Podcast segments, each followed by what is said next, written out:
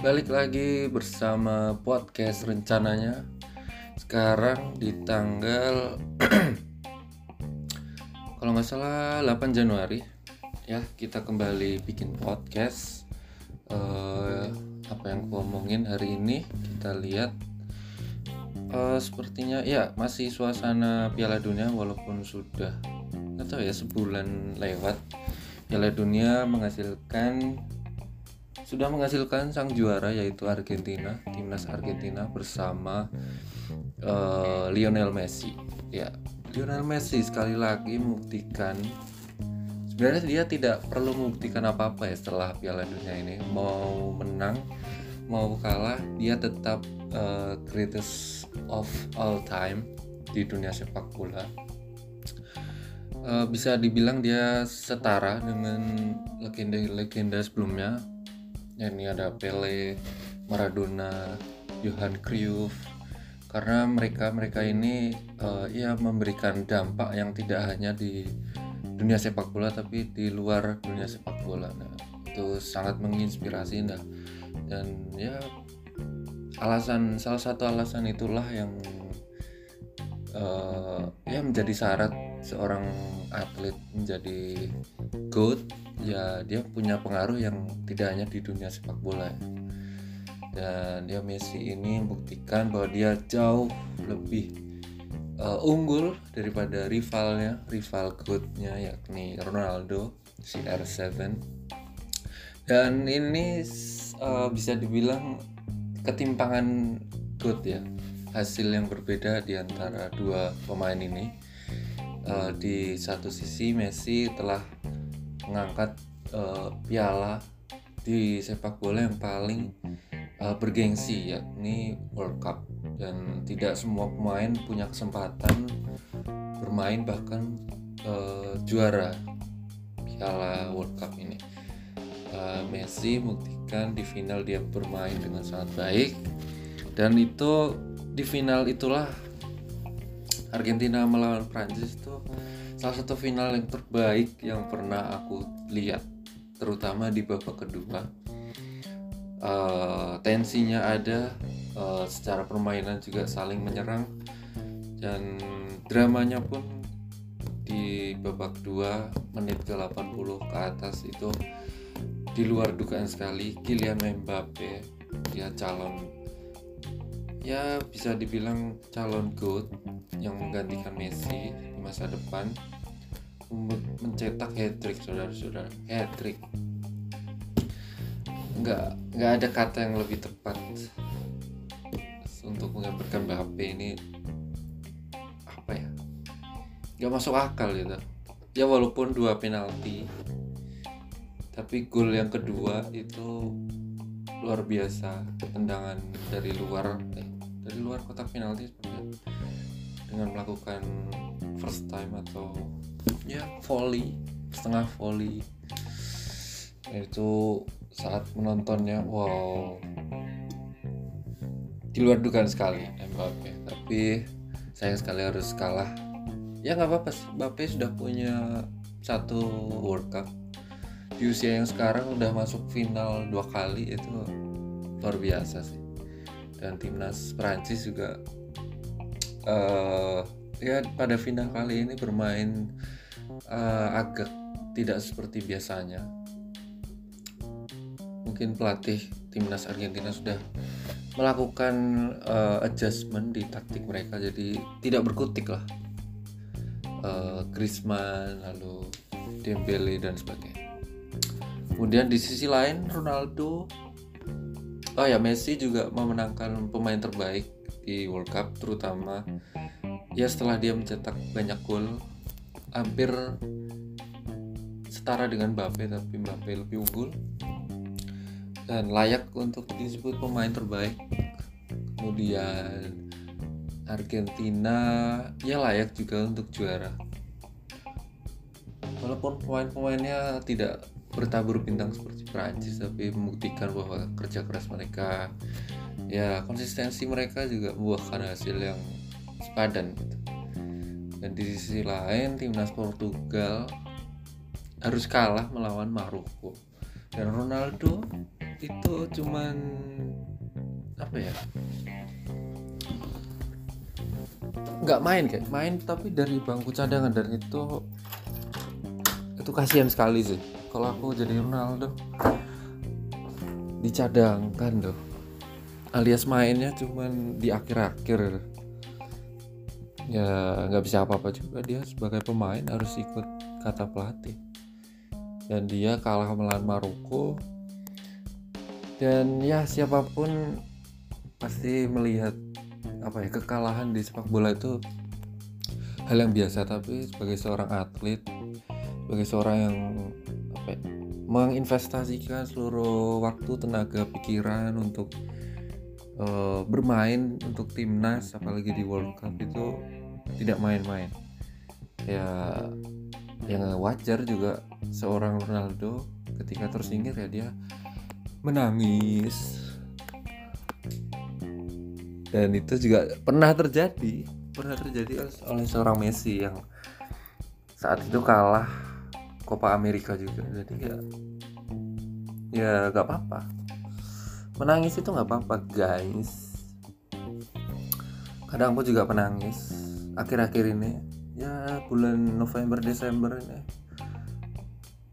menangis yang cukup uh, mengeluarkan air mata. Mungkin apa ya penyebabnya mungkin uh, kemasukan debu kayaknya waktu itu aku lagi di luar sih di luar kamar. Jadi ada angin berembus tiba-tiba menangis nggak tahu kenapa. Skip aja. Ya jadi debat uh, greatest of all time. Yang jelas itu sudah selesai. Messi adalah yang terbaik.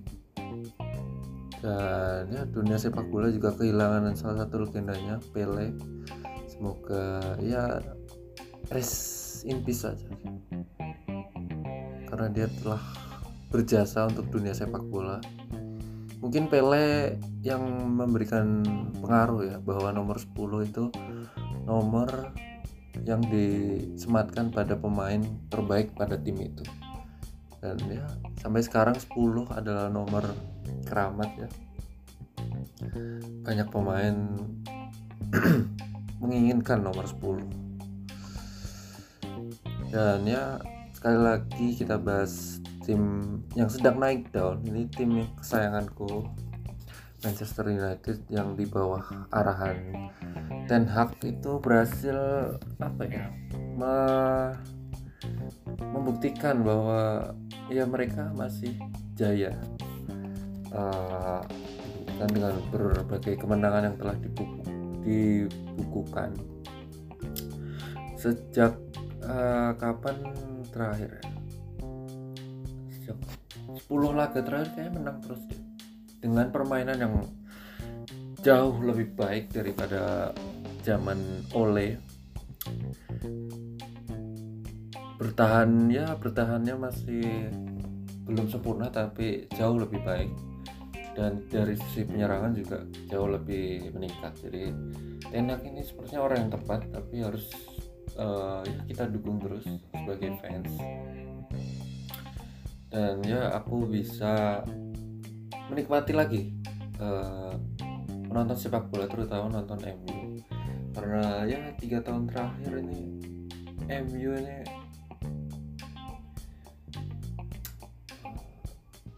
udah hampir terpuruk ya seterpuruk-puruknya MU ini 3-4 tahun terakhir ini.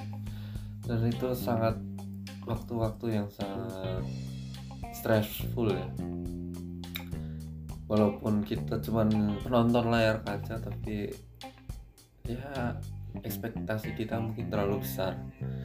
Makanya bagi kalian kalau tidak mau kecewa maka jangan berharap ya gitulah nonton MU sekarang jauh lebih menyenangkan. Oke. Okay. ya kita podcast ini udah lama rehat ya kemarin.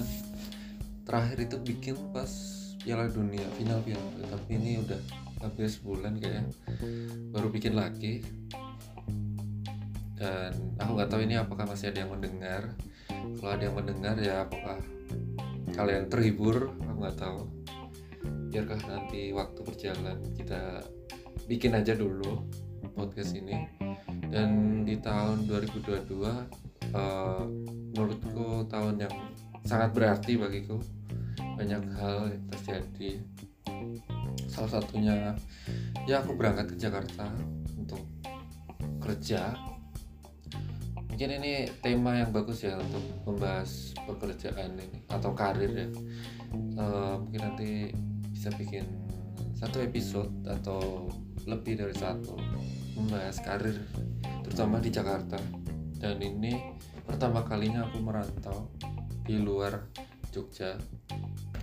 Dan apakah aku senang? Hmm, tidak tahu yang jelas hmm, ya merantau itu aku butuhkan. Aku butuhkan itu untuk ya untuk diriku sendiri melihat se sejauh mana aku bisa berkembang seberapa kuat aku mempush diriku untuk melewati batas. Dan ya aku masih belajar. Jadi kita nanti coba bahas tentang karir ya.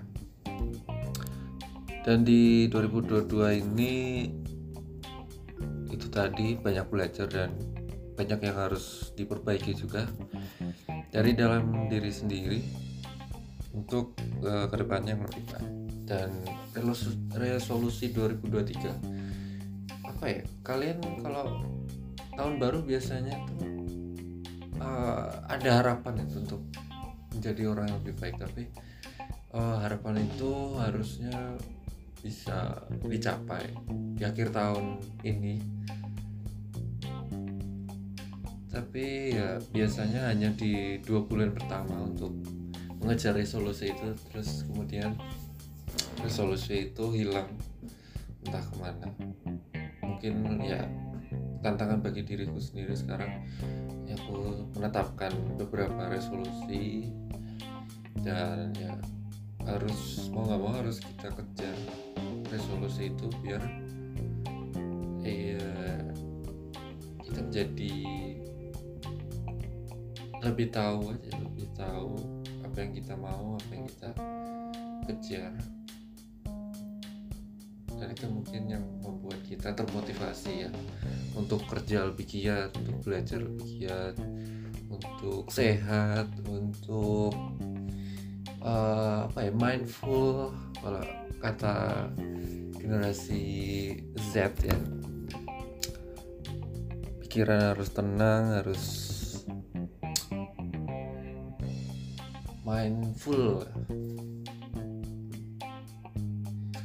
Aja harus ngundang psikologi deh.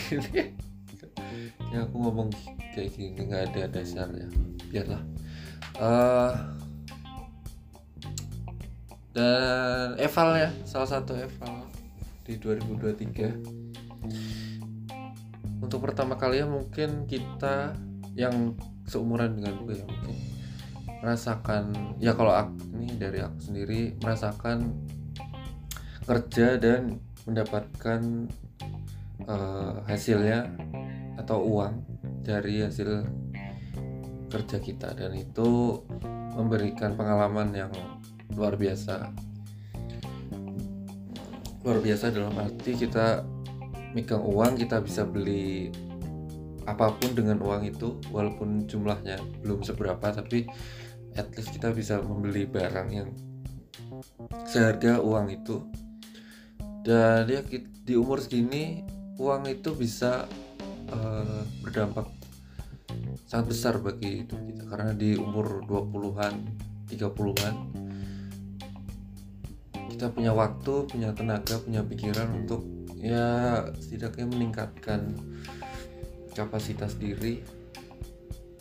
Ya salah satunya dengan invest dengan uang tersebut dengan sebaik-baiknya. Uh, ya konsumsi barang-barang yang kita inginkan itu boleh untuk uh, rewarding hasil jerih payah kita. Tapi menurutku ya di umur segini kita harus bijaksana. Bijaksana dalam membeli barang. Apakah barang ini bisa ke depannya memberikan nilai tambah buat diri kita atau hanya ya barang yang kita pakai tanpa memberi nilai lebih? Contohnya apa ya barang yang aku beli sejauh ini uh, rak ya. Rak ini penting banget aku beli rak ini karena aku ngekos di sini dan setelah kurang lebih lima bulan berapa ini? Ya lima bulan di Jakarta nah lima bulanan ya. Aku merasa kosanku makin penuh dan aku perlu rak lemari yang memberikan space untuk barang-barangku.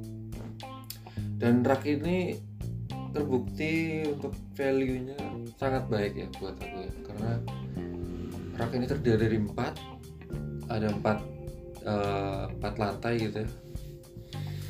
Dan tiap lantai kita isi dengan barang-barang yang kita rasa itu perlu untuk ditaruh di rak itu. Karena sebelumnya semua barang-barangku kalau tidak di lantai ya di meja. Dan meja itu tempat untuk bekerja untuk ya ngapa-ngapain. Dan kalau di meja penuh ya otomatis kerja kita nggak produktif dan kita nggak produktif ya berpengaruh pada kinerja kita apa pun itu. Dan itu yang aku pelajari dengan membeli rak ini kita bisa meningkatkan produktivitas. Dan itu ya yang aku pelajari baru-baru juga sih karena merantau dan di tempat kosan sendiri. Jadi kita merasakan apa yang kita perlukan dan ya kita harus lakukan itu untuk kebaikan diri kita masing-masing. Kemudian ya barang-barang lainnya nanti kita bahas di episode selanjutnya aja. Pokoknya di Desember ini karena aku sering ke mall karena ya banyak diskon siapa yang nggak tergoda sama diskon ya? Jadi walaupun aku orangnya kadang hemat kadang pelit tapi kalau melihat diskon untuk barang-barang yang aku butuhkan atau yang aku inginkan ya tetap aku beli walaupun uh, urgensinya tidak terlalu tinggi ya tapi barang-barang itu yang aku beli ya barang-barang aku benar-benar pengen benar-benar bisa memberikan aku uh, nilai tambah.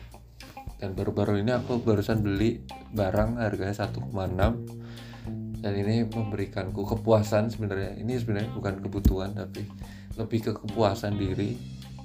Dan kegunaan barang ini ya yang jelas harapannya bisa meningkatkan produktivitas apa pun itu. Nanti kita cerita di episode selanjutnya. Uh, kemudian uh, email. Kalian kalau ada ada cerita atau sharing-sharing tentang sesuatu tentang pekerjaan tentang hidup mandiri dan lain sebagainya kalian bisa email atau nanti aku akan bikin semacam Google Form atau kalau di Instagram tuh namanya NGL link gitu. Walaupun aku nggak pernah pakai.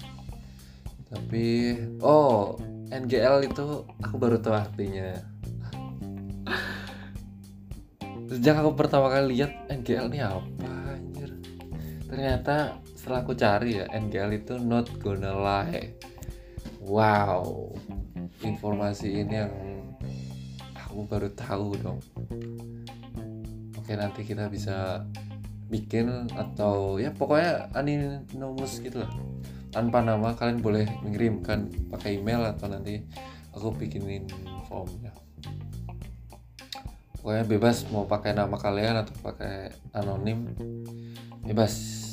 Terus ya teman-teman yang pendengarku aku harap kita bisa apa ya mengingat ya mengingat tujuan kita hidup apa. Karena ya sebentar lagi aku nggak tahu ini bener apa enggak bentar lagi kita akan dilanda kiamat men.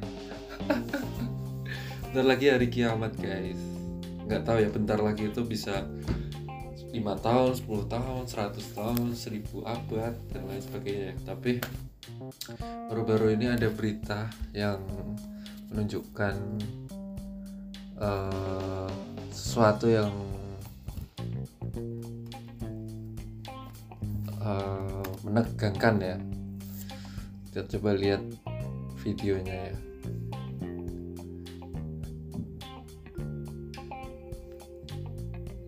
Ini kebenarannya nggak tahu tapi menurut berita ini benar. Ada gurun pasir di Arab Saudi.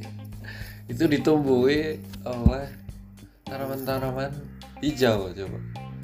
Dan kalau nggak salah salah satu tanda kiamat ya kita coba cari dulu. Tanda tanda kiamat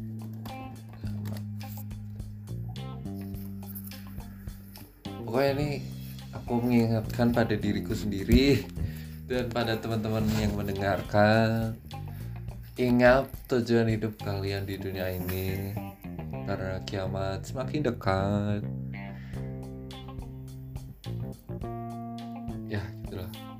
hanya itu yang bisa aku sampaikan guys. Mari kita berdoa. Berdoa menurut kepercayaan kita masing-masing. Berdoa mulai.